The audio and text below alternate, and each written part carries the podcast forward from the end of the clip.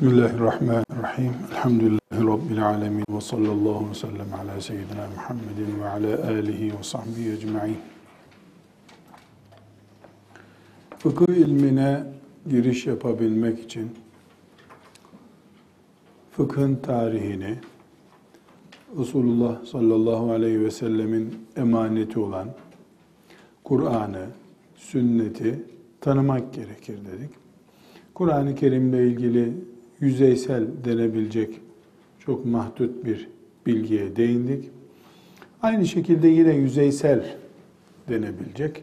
Yani belki de yüzde birini bile konuşmayacağımız kadar sathi bir hadis usulü bilgisi de muhakkak edinmemiz gerekiyor. Yarın fıkıh kitaplarına dair malumat e, incelenirken, ele alınırken bazı istilahları bilmek zorundadır fıkıh talebesi. Aksi takdirde fukahanın aralarında konuştuğu bilgiye yabancı kalır. Yabancı kaldığı için de helaldir, haramdır, caizdir, değildir sorularını ismiyle öğrenir, mahiyetine muttali olamaz. E, bu sebeple ilmuhali sıradan bir Müslüman gibi okumakla e, fıkıh öğrenmek için okumak arasındaki farkı e, bize sağlayan temel nedenlerden biri hadis usulü bilgisidir dedik. Bu hadis usulü bilgisi içinde hocamız e, Profesör Doktor İsmail Lütfü Çakan hocanın hadis usulü kitabından bize lazım olacak kadar okuyoruz. Yoksa bu kitap kendi başına güzel bir ders kitabıdır. Baştan sona okunması halinde iyi bir hadis bilgisi verir biiznillahü teala. Hadisin ne olduğunu, sünnet kelimesiyle nasıl benzeştiğini değindik. Dedik ki Resulullah sallallahu aleyhi ve sellem'den bize intikal eden büyük kültüre, Kur'an dışındaki bilgi birikimine sünnet adı veriyoruz. Bunun içerisinden seçip alınmış olan bir cümleye de hadisi şerif diyoruz. Ancak bu hadisi şeriflerin e, bize intikali, daha doğrusu Kur'an-ı Kerim'den sonraki ikinci bilgi kaynağımız olan sünnetin bize intikali, bizim elimize kadar ulaşması, Kur'an-ı Kerim gibi kitaplaşmış, üzerinde söz birliği yapılmış bir şekilde ulaşmamıştır. Allah böyle murad etmiştir. Kur'an-ı Kerim Resulullah sallallahu aleyhi ve sellem Efendimiz vefat ettiğinde birinci ayetinden son ayetine kadar hangi ayetin nerede nasıl olduğuna dair bilgi on binlerce sahabinin şahitliğiyle gözler önündeydi. Ama hadis-i şerifler e, Kur'an-ı Kerim gibi bir arada kitapta değildi. Sahabenin kafasındaydı. Kur'an-ı Kerim bir kitaba kayıtlıydı. O kitap matbaadaki stilleri değişerek işte o zaman 600 sayfa değildi. O zaman e, secde ayetlerinin işareti kenarında işte sure başlıkları şeklinde değildi. Şimdi elimize geldi bir kitap olarak e, bunu biz elimizde tutuyoruz elhamdülillah. E, ama hadis-i şerifler sahabenin kafasındaydı. Sahabe aktardıkça hadisler ortaya çıkmış oldu. Çünkü hadisler yüzde yüz Resulullah sallallahu aleyhi ve sellemin ağzından çıkan şeyler değil. Belki yüzde altmış, yüzde yetmiş öyledir. Geri kalanı da ashab-ı kiramın intibaları, Efendimiz sallallahu aleyhi ve sellem'den gördükleri, e, olayları nakletmeleri şeklinde de bir hadis külliyatı var. Yani bir Efendimiz konuşuyor, bir de ona ait bir olay anlatılıyor. Şuradaydı da, şuraya geldi de şöyle yaptı diyor. Mesela bizzat Efendimiz sallallahu aleyhi ve sellem'den bir söz nakledilmesi şart değil hadis olması için. Dolayısıyla Kur'an-ı Kerim Allah'tan Peygamber aleyhisselam efendimize geldi. Peygamber aleyhisselam efendimiz katiplere yazın dedi. Yazdılar ve e, müminlere emanet etti. Gitti Efendimiz sallallahu aleyhi ve sellem. Ama hadis-i şerifler gerek konuştukları, gerek tepkileri, e, karşı çıkışları, emredişleri vesaire e, bütün bu olaylar hepsi topluca bir hadis külliyatı, sünnet adıyla karşımızda. Ama e, Efendimiz sallallahu aleyhi ve sellem vefat ettiğinde Kur'an-ı Kerim bir kitaptı. Hadis-i şeriflerde ashab-ı kiramın aklında kafasındaydı. Ashab-ı kiram hicretin 110. senesinde son sahabinin vefat ettiği kabul edilir. Yani Efendimiz sallallahu aleyhi ve sellem'den sonra yaklaşık olarak 100 sene yaşadı ashab-ı kiram. Yani 100 sene hepsi yaşamadı elbette. Yani en son mesela Efendimiz doğduğunda e, Efendimiz sallallahu aleyhi ve sellem e, vefat ettiğinde yeni doğmuş 10 yaşında 5 yaşında çocuklar en son hicretin 110. senesinde vefat ettiler. Bu bilgileri ashab-ı kiramın sünnet bilgisi bu 100 yıllık Peygamber sallallahu aleyhi ve sellem Efendimizin vefatından sonraya tekabül eden hicretin birinci asrı boyunca sahabe-i kiram Perda Bey adım adım olaylar üzerine bir ihtiyaç hissedildiğinde bu bilgileri ikinci nesle aktardılar. Özellikle şunu bilmemizde fayda var. Sizler nasıl geldiniz e, bir ilim öğrenmek için e, açılmış bir salona oturdunuz, ilim öğreniyorsunuz. Ashab-ı kiram da işte Küfe'ye gidip, e, Medine'ye, Mekke'ye gidip bir kurs ilan edip kaydolan öğrencileri talebe gibi yetiştirmediler. Bu o zamanı gerçek bir senaryo gibi algılamamız lazım. Ne yaptılar ya?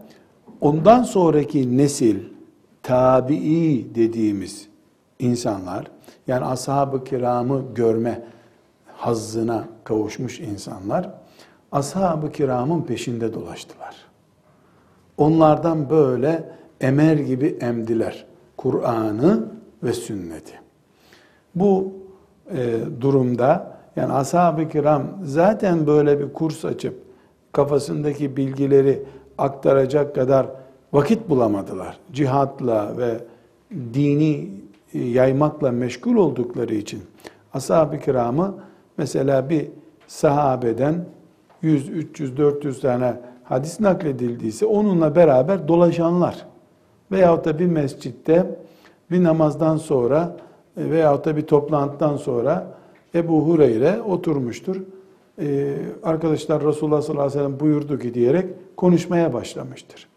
Böyle bir talebe hoca ilişkisi tabiinden sonra başlıyor. Tabiine kadar ashab-ı kiram cihat adamı, davet adamılar. Ama etrafında dolaşanlar, Allah onlardan da razı olsun. Böyle e, ekmek kırıntılarını sofradan toplar gibi ashabın ağzından kelime kelime Peygamber sallallahu aleyhi ve sellemin mirasını topladılar. Bir önceki dersimizde ashab-ı kiramın e, tefevvukunun yani e, bu büyük mirası hem Kur'an hem de sünnet mirasını hazmedip sonra da bir sonraki kuşağa aktarmadaki başarılarının hikmetlerini e, konuşmuştuk.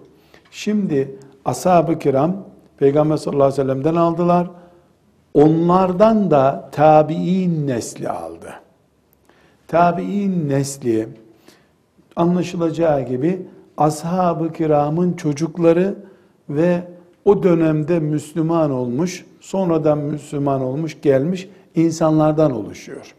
Yani İslam eğer nesillerle anılacaksa, mesela ashab-ı kiram birinci nesilse, yani Peygamber sallallahu aleyhi ve sellemin sağlığında Müslüman olup onu görme şerefiyle şereflenenler birinci nesilse, ondan sonrakiler ikinci nesil, ondan sonrakiler üçüncü nesilse, birinci nesle ta, ashab nesli diyoruz, ikinci nesle tabi'in nesli diyoruz. Tabi'in peşinden gidenler demek. Yani ashab-ı kiramın peşinden gidenler.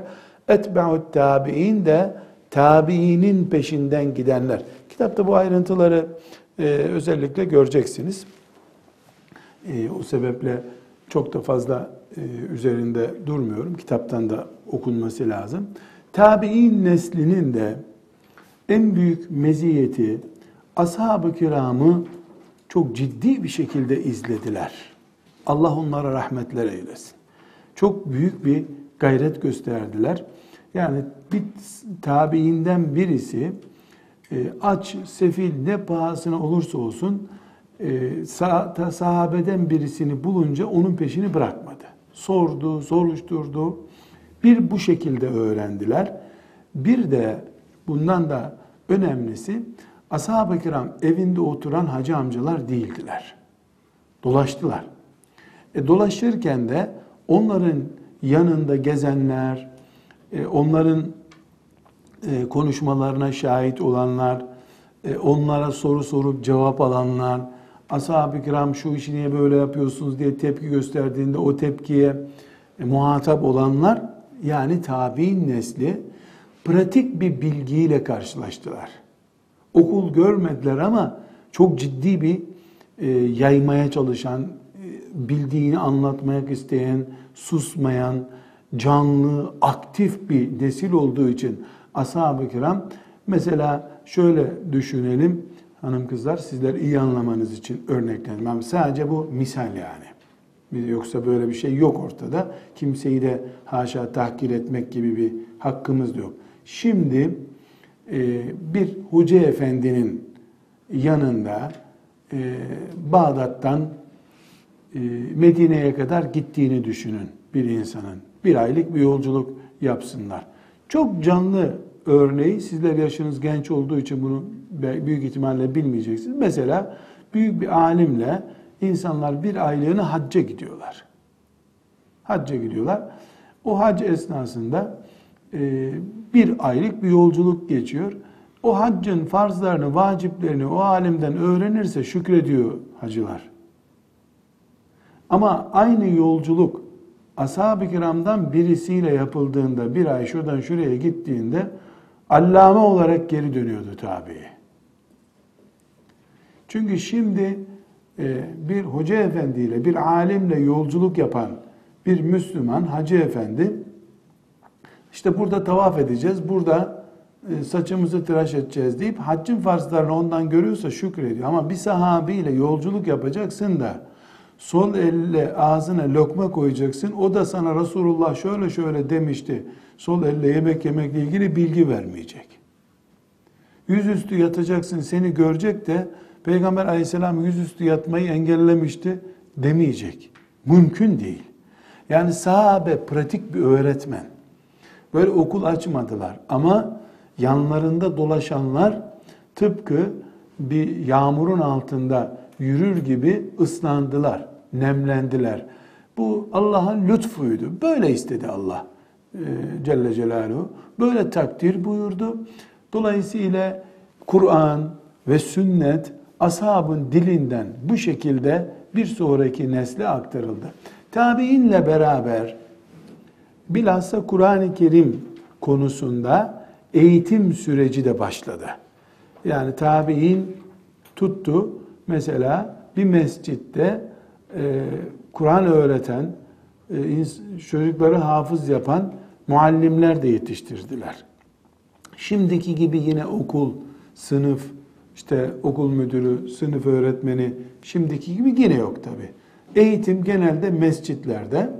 E, mescit beş tane altı tane ağacın üstüne işte yapraklar koymuşlar güneş vurmasın diye. Mescit dediğin o. Her ağacın dibinde bir e, kim Kur'an biliyorsa oturuyor. Mahallenin çocukları geliyorlar, büyükleri geliyorlar orada Kur'an öğreniyorlar. Tabi'in dönemi de bu şekilde oldu. Şimdi hanım kızlar tarih bilmemizde bir miktar fayda var. Tabi'in dediğimiz zaman hicretin 180. senesine kadar olan kısmı kastediyoruz. Yani tabi'in e, hicretin 180. senesinde bitti. E, yani son tabii olan zat da vefat etti demektir. E, ondan sonra etbe'ut tabi'in yani tabiilerin tabiileri. Yani ashab-ı kiram 110'da bitti. Fakat e, burada gerçekçi düşünmek lazım. Yani 110 yılında son e, sahabi vefat etti diyoruz ama 100 tane sahabi yoktur belki o dönemde. Yani ortalama 90'larda filan sahabiler tek tük olmaya başladılar. Tek tük böyle sahabiler kayboldular. Ondan sonra ciddi bir şekilde tabi'in bolluğu başladı. 180'de de son tabi'i vefat etti ama 160'ta belki 50-60 tane kalmıştılar. Net elimizde bir istatistik yok. Ama gerçekçi düşünmek lazım. Yani 179 yılında son sahabi 180'de vefat etti. 179 yılında kaç sahabi var derse belki iki tane. Belki üç tane. Ya da 20 tane ama on binlerce tabi yoktu. Bu şunu gösteriyor. 110 yılında son sahabi vefat ettiğinde nadir bir sahabi vardı. Ee, Hz. Ali radıyallahu anh'ın vefat ettiği, şehit olduğu 40. E, yılda ise 10-15 bin sahabi vardı. Büyük bir rakamdı bu. 10, 10 binden fazla sahabi vardı. Ama bu ondan sonra yüzlere düştü. Yüzlere. E, 110 yılında vefat eden sahabi demek e, Peygamber aleyhisselam zamanında 7-8 yaşlarında bir çocuktu demek. Ama şeref olarak onun için sahabi olma şerefini kazandırıyor tabi. İsterse e, bir saatlik olsun sahabilik ünvanını kazandıysa sahabi ayrı bir meziyet. 180 yılında tabi'in nesli de bitti. Ondan sonra etbe'ut tabi'in nesli başladı. Etbe'ut tabi'in yani tabiilerin tabiileri neslinde eğitimin ciddi bir şekilde e, yaygınlaştığını, hadislerin bir sanat gibi, bir cihat gibi meslek edinildiğini görüyoruz. Eline defterini alan, kalemini alan, işte ne, neyle öğrenecekse yollara düşüyor. Bu yollar öyle Bağdat'ın bir sokağından öbür sokağına gitme şeklinde değil ama bir ülkeden öbür ülke bin kilometre, iki bin kilometreye yol demiyorlar. Kimi atıyla, kimi devesiyle, kimi yaya gidiyorlar. Bir ay, iki ay. O zamanki eğitim sistemi şöyle hanımefendiler. Mesela Yemen'de Abdurrezzak isimli biri var. Herkes biliyor ki Abdurrezzak bin tane hadis biliyor. Bağdat'ta filanca var. O da 3000 hadis biliyor. Ee, Medine'de Malik var, 4000 hadis biliyor. Mekke'de filanca var, 1800 hadis biliyor. Bu alimler bir ticaret merkezi gibi ün yapmışlar. Herkes biliyor bunları. Şimdi hadis öğrenmek isteyen, hadis alimi olmak isteyen Alıyor çantasını, bizim deyimlerimizi kullanalım. Alıyor erzağını, biniyor devesine Yemen'e gidiyor. Yemen'deki o zatın ders halkası var. Bir mescidin bir kenarında oturmuş. Her sabah geliyor, hadis okutuyor. O bildiği işte 1500 hadisi mi var? 1500 hadisini okutuyor. Kim gelirse ondan okuyor. En sonunda da o Ondan gelip bir ay, iki ay ne kadar da o hadisi bitirdi. Ama sabahtan akşama kadar hadis okuyorlar hep. İşte başlıyor. E, ben diyor Ebu Hureyre'yi gördüm. Veyahut da işte Said İbni Müseyyeb'i gördüm. O da Ebu Hureyre'yi gördü. O da Resulullah'tan nakletti. Daha sonra hadis okudukça göreceksiniz bu tanıma usullerini. Ondan sonra o hoca o kendisini bir ay dinleyen talebeye icazet veriyor. İcazet demek bu hadisleri bende okudu, bir yanlışı yoktur bu hadislerde diyor. Bu icazeti alan talebe gidiyor öbür hocaya bu sefer. 10 bin, 20 bin, 30 bin hadis toplayıncaya kadar. Ahmet bin Hanbel rahmetullahi aleyh 1 milyon hadis biliyormuş. Ama Peygamber Efendimizin 1 milyon hadisi yok. Peygamber Efendimizin en fazla 50 bin civarında hadisi var. 1 milyon hadisi yok Efendimizin. Ahmet bin Hanbel 1 milyon hadis biliyor. Nasıl 1 milyon biliyor ama? Yemen'deki hocaya gitmiş. Yemen'deki hoca e, Ah Hasan Basri'den o da işte filanca Ebu Hureyre'den duymuş hadisleri. Aynı hadislerin pek çoğu aynı olan hadisleri Bağdat'taki filan hocadan gidiyor okuyor. Filan Medine'deki hocadan yüzde doksan o hadisleri tekrar okuyor. Ama hoca isimleri, ulaşılan kanallar değiştiği için hadis sayısı da artıyor. Aslında hadis aynı hadis. Yani bir hadisi 20 hocadan okuyunca 20 hadis biliyor oluyor. Toplam 5000 hadisi 5 hocadan okudun mu 25 bin hadis bilmiş oluyorsun. Neden? Neden? Rakamı büyütme dertleri yok. Çünkü biz hadisi siz benden, ben hocamdan hadis okuduğumda, Riyazu Salihinden okuduğumuzda Resulullah dedi ki diye başlıyoruz. Tabi'in hocaları, etbeü tabi'in hocaları buna hadis demiyorlar. Kimden duydun bu hadisi diyor. Hadisi filancadan duydum. O kimden duymuş? Filancadan. O kimden? Resulullah'tan. Heh, hadis buna diyorlar onlar. Kimden duydun? Kim, kim, kim, kimden duymuş? Bu nedenle Ahmet bin Hanbel bir milyon hadis biliyor. E Ahmet bin Hanbel'in bir milyon hadisi nerede?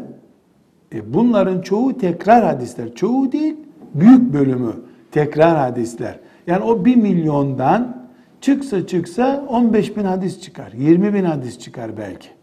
Rakamlar böyle bilerek söylediğim rakamlar değil. Yani anlamamız için söylüyorum. Demek ki tabi'in döneminde, etba'u tabi'in döneminde ve onlardan sonraki dönemde kitaplar yazılı Bukhariler, İbn Maceler meydana çıkıncaya kadar kim kimden, o kimden, o da kimden, o da hangi sahabiden sorusunun cevabı olacak şekilde hadis okuyup öğrendikleri için çok hadis biliyorlar. Çünkü dediğimiz gibi Medine'deki bir talebe ok oturuyor. Medine'deki Malik'ten 4000 hadis öğreniyor. Gidiyor Mekke'deki başka bir muhaddisten 5000 daha öğreniyor. 9000 hadis yapıyor. Gidiyor Yemen'dekinden 10 bin hadis okuyor. 19 bin yapıyor. Gidiyor Küfe'deki bir muhaddisten 20 bin hadis okuyor. Bu sefer 39 bin hadis yapıyor. Ama bu 39 bin hadiste Peygamber Efendimizin söyledikleri aleyhissalatü vesselam çıkarıldığı zaman sözlerin büyük bölümü aynı belki bin tane hadis kalıyor aslında. Bin hadis kalıyor ama bizim için bin hadis kalıyor. Onlar için bin tane kalmıyor. Çünkü onlar kimden duyduğunu belgelemek zorunda. Bir e, hadis aleminin 100, 200, 500 hocası olabiliyor. Bin hocası olan hadis alemi var. Mesela e, Taberani denen muhaddisin yani bin tane hocası var. Mucem isimli kitap yazmış. Üç bölümden oluşuyor Mucem. Belki yani şu anda aklımda rakamı değil, 40 ciltten fazladır kitabı toplam olarak. Neden? Aslında kitabının birinci cildindeki hadis dördüncü ciltte var, dokuzuncu ciltte var, on altıncı ciltte beş yerde var, yirmi yedinci ciltte altı yerde var, elli yerde geçiyor hadis bazen. Neden? Çünkü birinci hocasından duyduğu hadisleri bir bölüme yazmış. İkinci hocasından duyduğu hadisleri de yazmış. O hadislerin çoğu tekrar zaten.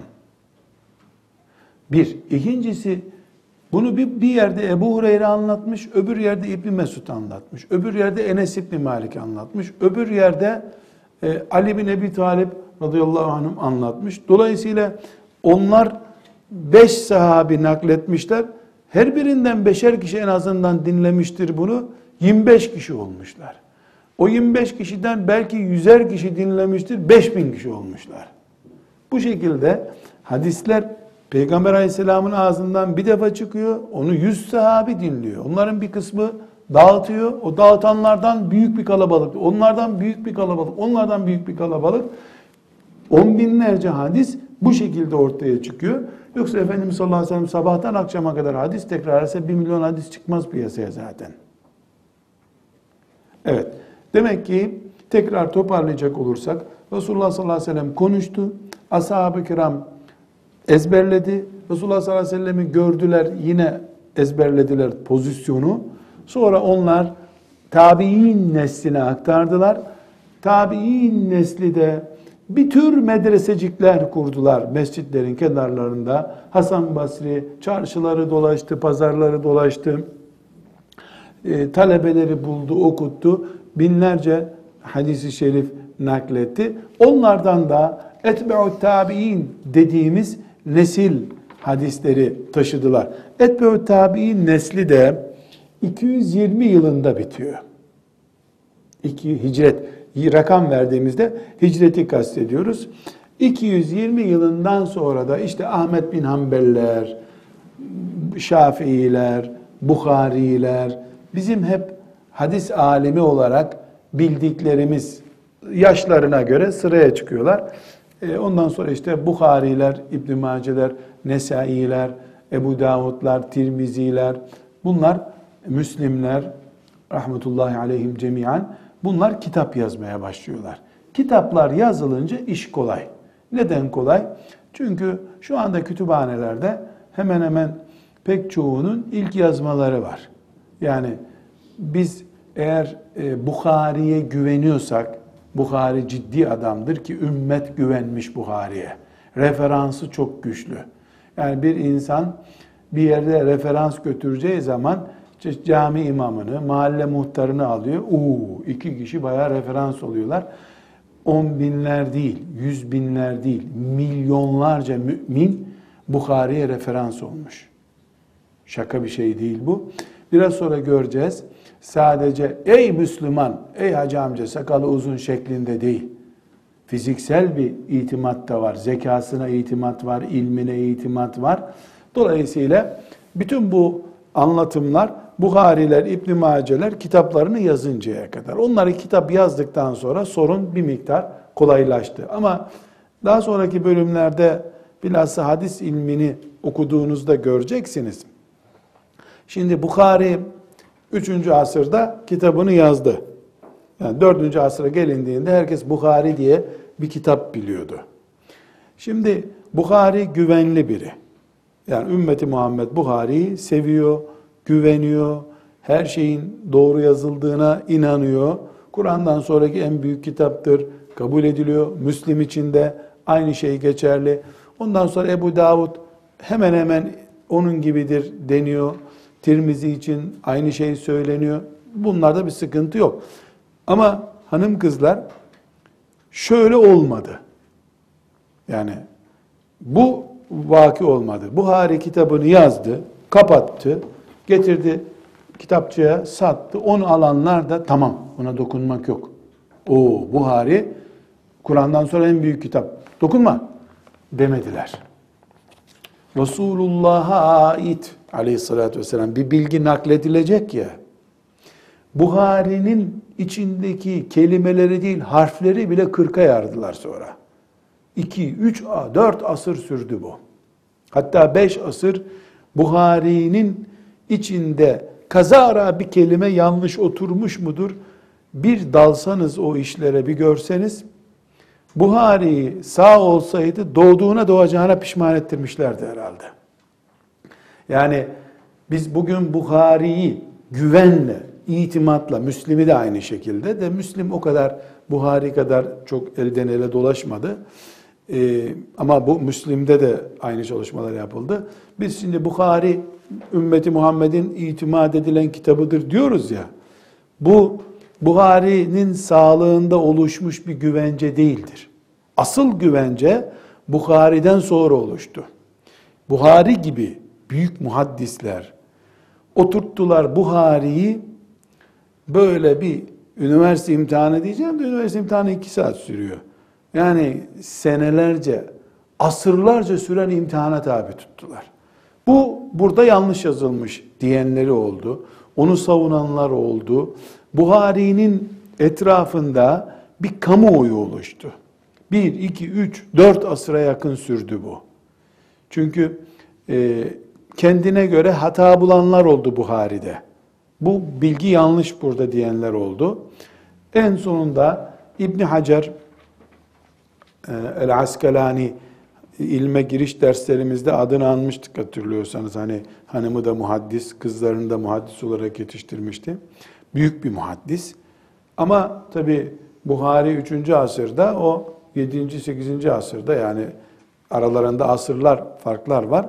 En son İbn Hacer başta olmak üzere muhaddisler Buhari ile ilgili son sözü söylediler. Ama ne zaman bu son sözü söylediler? Binlerce uzman, büyük alim Buhari hakkında konuştu, cevap aldı, cevap verdi, tartıştı, tartıştı, cevaplar, cevaplar. Yüzlerce kitap yazıldı Buhari'nin kitabının tenkidiyle ilgili. O tenkitlere cevaplar verildi vesaire. En son İbn Hacer oturttu.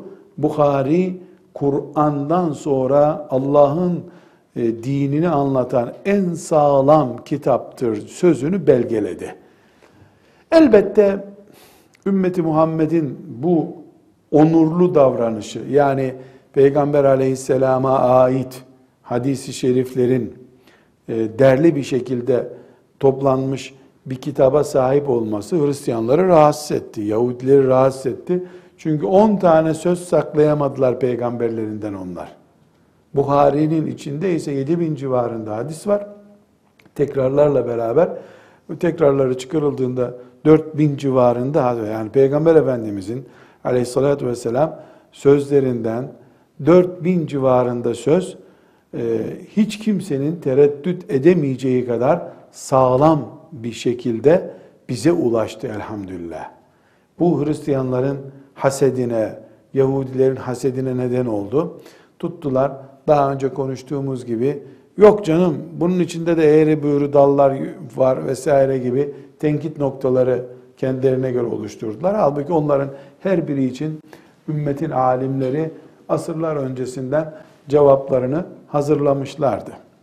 Neticede biz şu anda biz Müslümanlar olarak kitap bizim, din bizim, amel biz ediyor. Size ne deyip keyfimize bakarız.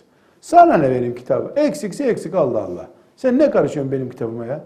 Sen pazar günü kilisede Bukhari mi okuyacaksın? Sana ne?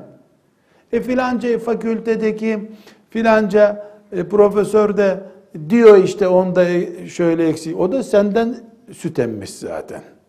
O da pazar günü kiliseye gidenlerden ders okuduğu için öyle söylüyor. Biz Müslümanlar olarak, gayba iman edenler olarak Kur'an'ımız ve Buharemizden memnunuz. Herkes işine baksın der ve keyif süreriz. Demek ki grafiği tekrar yukarıdan aşağı okursak Peygamber Efendimiz sallallahu aleyhi ve sellem konuştu, yaptı, ashab gördü. Ashab tabiini öğretti. Tabiin etme'u tabiini öğretti. 220 yılında o nesil bitti ama bu arada da hadis kitapları yazılmaya başlanmış oldu. Dolayısıyla ondan sonra bizim için yazılı belgeler gündeme gelmeye başlamış oldu.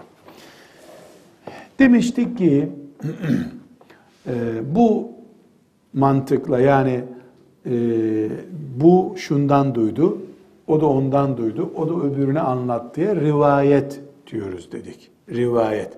Rivayet işinde adı geçene de ravi deniyor.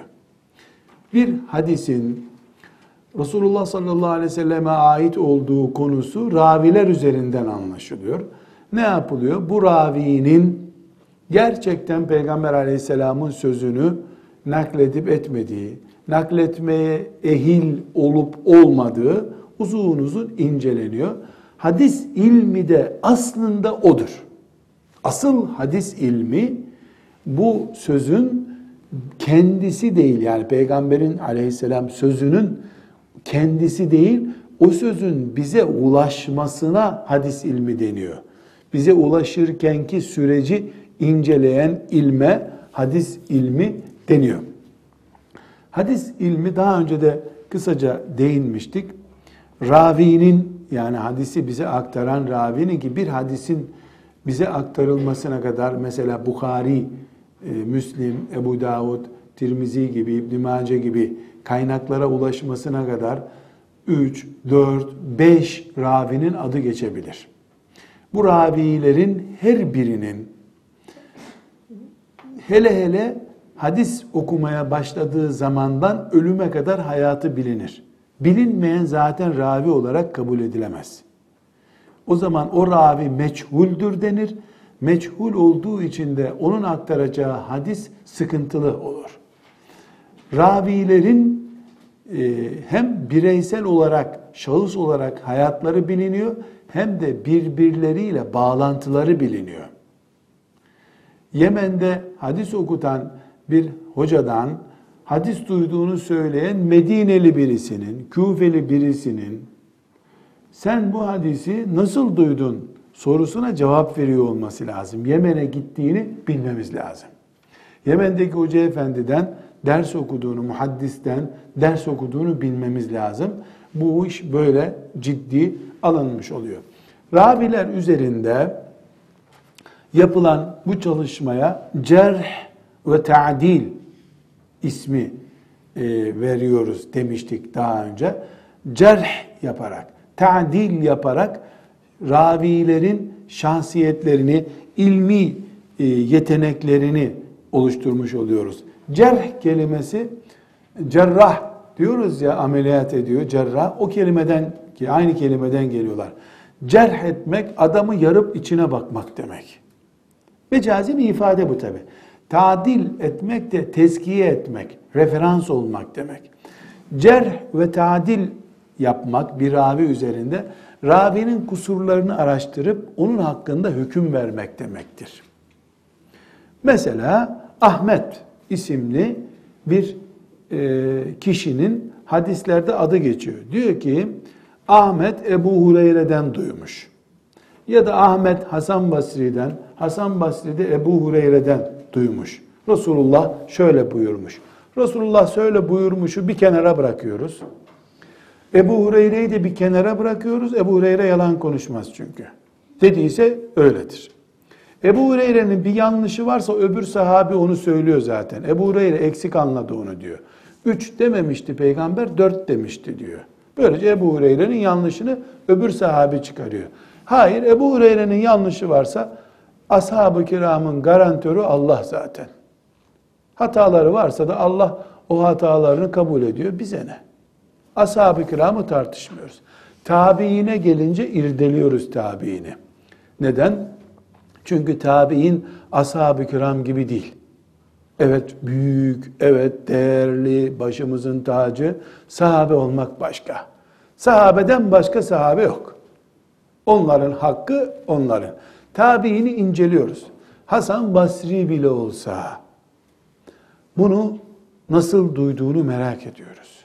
Araştırıyoruz. Tabiinde biraz belki bu araştırmamız yüzde yüz değil de yüzde doksanlarda kalıyor ama tabiinden sonra birisinin adı hadiste geçiyorsa ravi diye Ahmet Hasan Basri'den duydum diyor yani Etbeut tabiinden. O da Ebu Hureyre'den duydum diyorsa Ahmet'i alıyoruz. Masaya yatırıyoruz. Ona cerh ve tadil yapıyoruz. Cerh ve tadil yani adamı yarıyoruz. Tabi adamı yarıyoruz derken herhalde kalp ameliyatı yapıyoruz değil. Yani şahsiyetini inceliyoruz. Biraz sonra zikredeceğiz. Zekasını, görme yeteneğini, gözü iyi görüyor muydu, görmüyor muydu?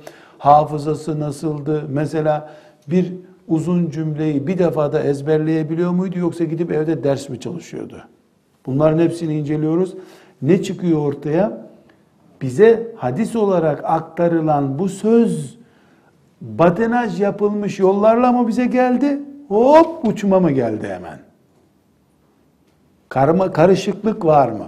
Ona göre daha sonra bu hadis sahihtir, hasendir, münkerdir, zayıftır, mevzudur bir sürü kural koyacağız. O kuralları öğreneceğiz şimdi. Bir sonraki dersimizde o kurallar gelecek. Demek ki cerh ve tadil çok önemli. Ee, çünkü fıkıhta da ihtilafın konularından birisi budur. Filan hadisin ravisi şöyledir onun için biz onunla amel etmiyoruz diyecek. Hadisi tenkit eden olamaz. Hadis peygamberin sözü aleyhissalatü vesselam ama demiş mi peygamber böyle bir şey? Ya da bu adam iyi anlamış mı o denen sözü? Bunu irdeliyoruz. Cerh ve tadil yapıyoruz. Ahmet'i masaya yatırıyoruz. Kim yatırıyor? Cerh ve tadil alimleri. Büyük bunlar. Ali İbnül Medini, Ahmet bin Ambel, onun hocaları, Buhari'nin kendisi cerh ve tadil alimidir mesela. Ne yapıyorlar? Bu adam, bu adam Müslüman. Zaten gavurla bir işimiz yok bizim. Gavurun, gavurla ne işimiz var? Öyle e, kırtasiyeci, kitapçı, işte filan medresenin hocası onları zaten hadiste adını anmayız biz. Ravi olacak, ravi. Raviyi masaya yatırıyoruz. Her şeyden önce zekası ölçülecek. Zekası nasıl bu adamın? Neden? Çünkü bu Yemen'de ezberlemiş gelmiş. Yemen nere, burası nere dur bakalım. Yemen'de duyduğu bu hadis aklında kalacak birisi mi? Tabi bunu 100 sene önce ölmüş birinin nasıl masaya yatırıp EEG testi mi yapacaksın? Ne yapacaksın adama? Bunu ne yapıyorlar? O Yemen'de iken onunla beraber 50 kişi daha o hadisi duymuş Yemen'deki hocadan.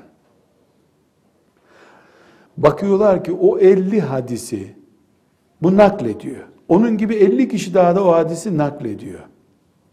Bunun mesela 10. hadis diyelim. Hadisleri onlar numarayla nakletmiyor ama biz öyle diyelim. 10. hadis.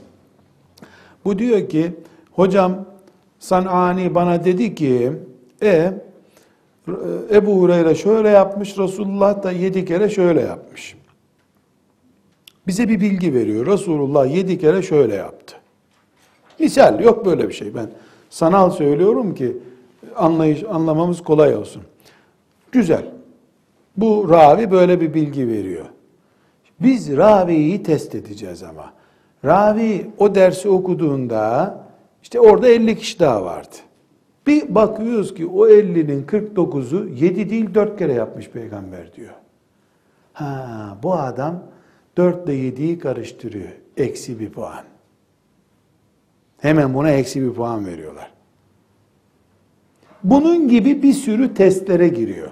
Adam öleli 100 sene olmuş, 200 sene olmuş ama bıraktığı iz ortada adamın. Sonra çok enteresan bir misal. Mesela Yemen'deki Sanani denen hocadan hadis naklediyor. Ama bu hadisi onun kitabını okumuş aslında. Kendisini görmemiş. Kendisini görmemiş, kitabını bulmuş. O kitaptan okumuş, doğru, yanlış bir şey yok ortada. Fakat hadisi bize naklederken hocam dedi ki diyor. Halbuki hocası ona bir şey demedi. Hocası kitabına yazdı. Hocamın kitabında gördüm demesi lazımdı. E bir, suç mu bu? Suç değil ama yakaladı mı seni Buhari böyle bir şey yaptığını senin hadisini almaz. Sen zayıf adamsın der. Anlatım hatası var. Görmediğini gördü gibi hissettiriyor. Bukhari'deki hadisle İbn Mace'deki hadis arasındaki fark budur işte. Böyle bir hadisi mesela örnek söylüyorum Buhari kitabına koymaz. Bu görmediği hocanın kitabını okumuş. Ben bunu hadisçi kabul etmem der. İbn Mace'nin böyle bir hassasiyeti yok.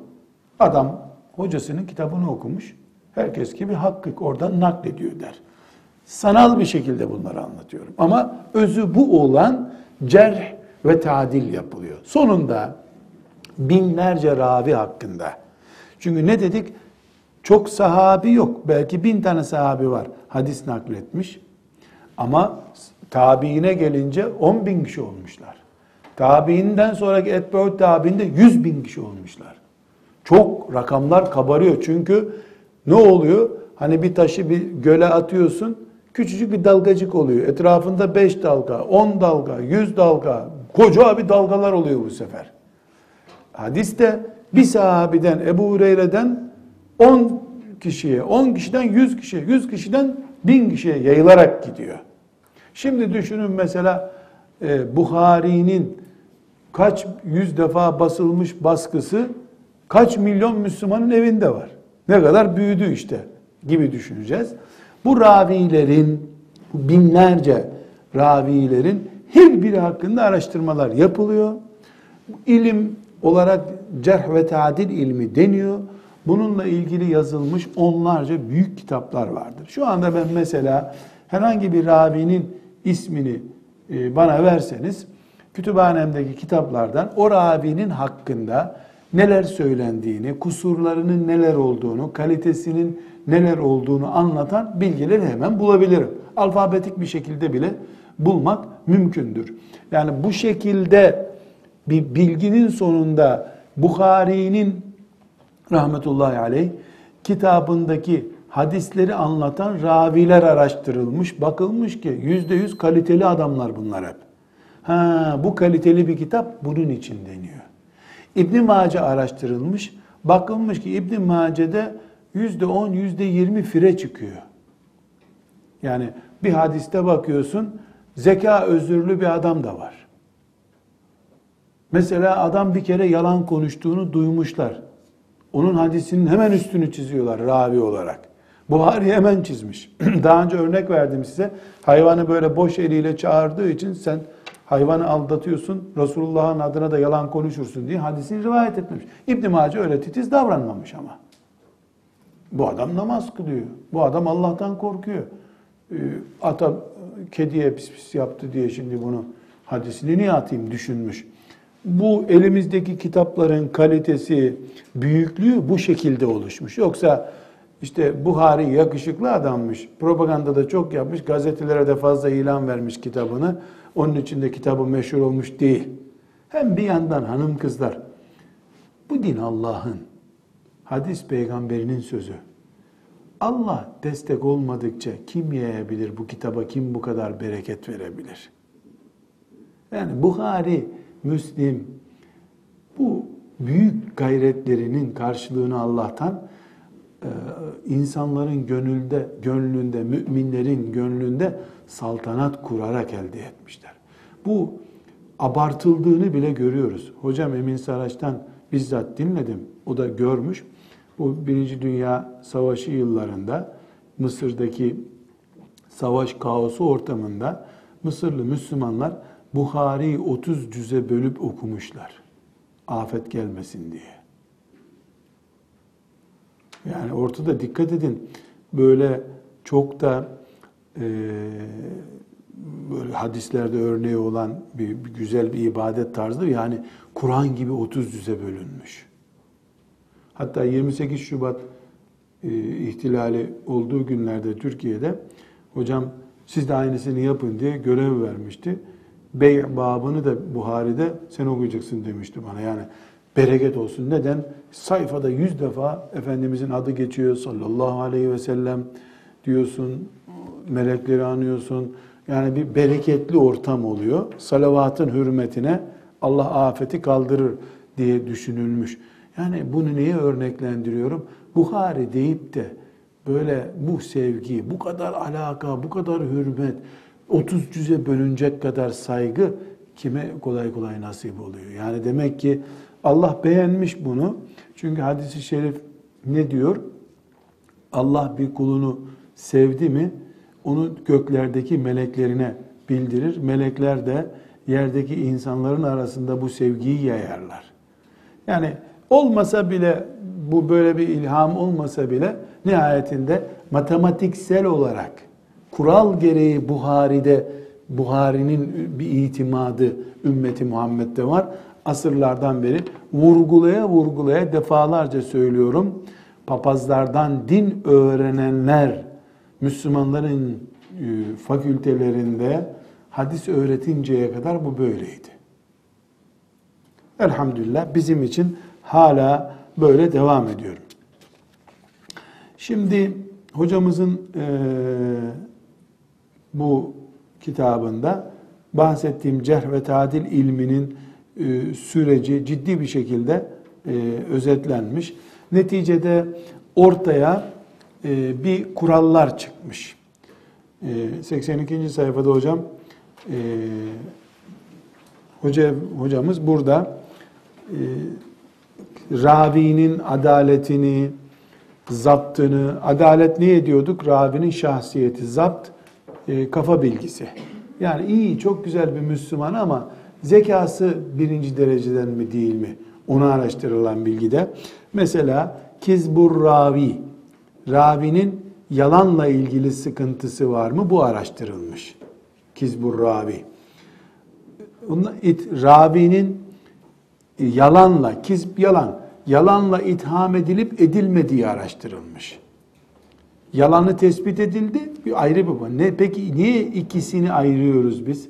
Yani bu adam yalancıdır diye kural konmuş. Bir de bir başlık daha açılıyor. Yalanla itham edilip edilmediğine bakıyoruz diyor. İtham edilirse 10 puan kesecek. Yalancı denirse 80 puan kesecek ondan onun için. Hepsine sınıf sınıf puan verecek. Fiskur ravi yani fasıklıkla itham edilmiş mi? Fasık ne demek? Alenen günah işleyen demek. Kafir değil. Cehaletur ravi, ravide cahillik var mı? Nedir cahillik? E hala Kur'an okumakta mesela e, ihfai izarı hala bilmiyor. Misal yani böyle bir cahillik ithamı var mı? Bir de bid'atur ravi. Ravide bidatçilik var mı? Bidat ehlinden hadis nakletmiyorlar. Bidat nedir? Ee, işte Resulullah sallallahu aleyhi ve sellem'in sünnetiyle sabit olmayan bir şeyi e, okuması, anlatması, ibadet olarak yapması. Zapt yönünden, zapt, Türkçe'de daha önceki derste bunu zikrettim. Bildiğimiz zabıt tutmak deniyor. Yani kafasına bilgiyi yerleştirirkenki gücü. Şahsiyet olarak adaletini inceledik. Zapt olarak da kim ilmi yapısını inceliyoruz. Çünkü Bukhari'de de zeka var. On binlerce ismi karıştırmadan zikrediyor. Öbüründe de zeka var. Kendi ev telefon numarasını bile bir iki üç defa bakarak anca ezberliyor. İkisi de zeka taşıyor, akıl taşıyor. Birininki uçuk denecek kadar güçlü, öbürününki de zayıf.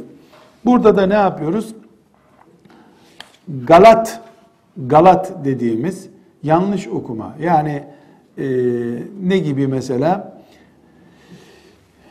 Bir ravinin e, galatı mesela ya'lemune kelimesini ya'melune okuyor. Yani bilmeyi yapma anlamına getirecek bir kelime hatası yapıyor. Bu bir galattır. Hiçbir insan bundan muaf değildir. Her insan galat yapar. Ama kesret yani çokluk olursa 100 hadis naklediyor, 50'sinde galat var. Bu galat kelimesi hafızlık yapanlar bilirler. Kur'an-ı Kerim okurken galat yaptı hafız denir. Üstün esre okur, ötre okur, yanlış okur. Buna galat diyoruz. Bu galat e, ravinin yanlış bilmesi ya da yanlış ezberlemesi gibi bir bilgi. Bir de gaflet açısından ravi incelen, incelenir. Gaflet nedir? Üçü beş görüyor. Yediği dokuz gibi okuyor. Bu yani gafleti, dalgınlığı olarak da e, isimlenilebilir. Vehem, vehem, Rabi e, hocası 19 demişti. Ona 19 kişiydik filan misal yani. O onu 119 anlıyor. Ya o bana 19 mu dedi, 119 mu dedi, evham görmeye başlıyor. Bunlar hep zeka açısından puan kaybettirici şeyler. bir de muhalefetü sikat var. Sika, sika kelimesi e, hadis ilminde süper adam demek. Zeka olarak. Şimdi böyle modern bir kelime. Süper zeki demek sika. Şimdi bir ravi cerh ve tadil ilminden sonra sika olduğu ortaya çıkıyor. Süper. Buhari sikadır mesela. Sika sika sikadır Buhari. Süper süper süperdir. İbn Mace sika değildir. Buhari düzeyinde değildir. İbn Mace'de bir hadis var 19 kişiydiler diyor. Bukhari 9 kişiydi diyor. İbn Mace çok doğru bir bilgi aktarmış olsa, ravileri güçlü bile olsa Sika'ya aykırı rivayet yapıyor. Bukhari'yi öne alıyoruz. Çünkü Bukhari'nin zekası ve ravi olarak gücü öne geçirilmesini gerektiriyor. Dolayısıyla bir ravi Sika'ya aykırı rivayet yaptığında puan kaybeder. Bir de su'ul hifz diye bir kavram var. Su'ul hifz ravinin ezber zafiyeti demek. Ezber zafi. Ezber açısından güçlü olacak ravi.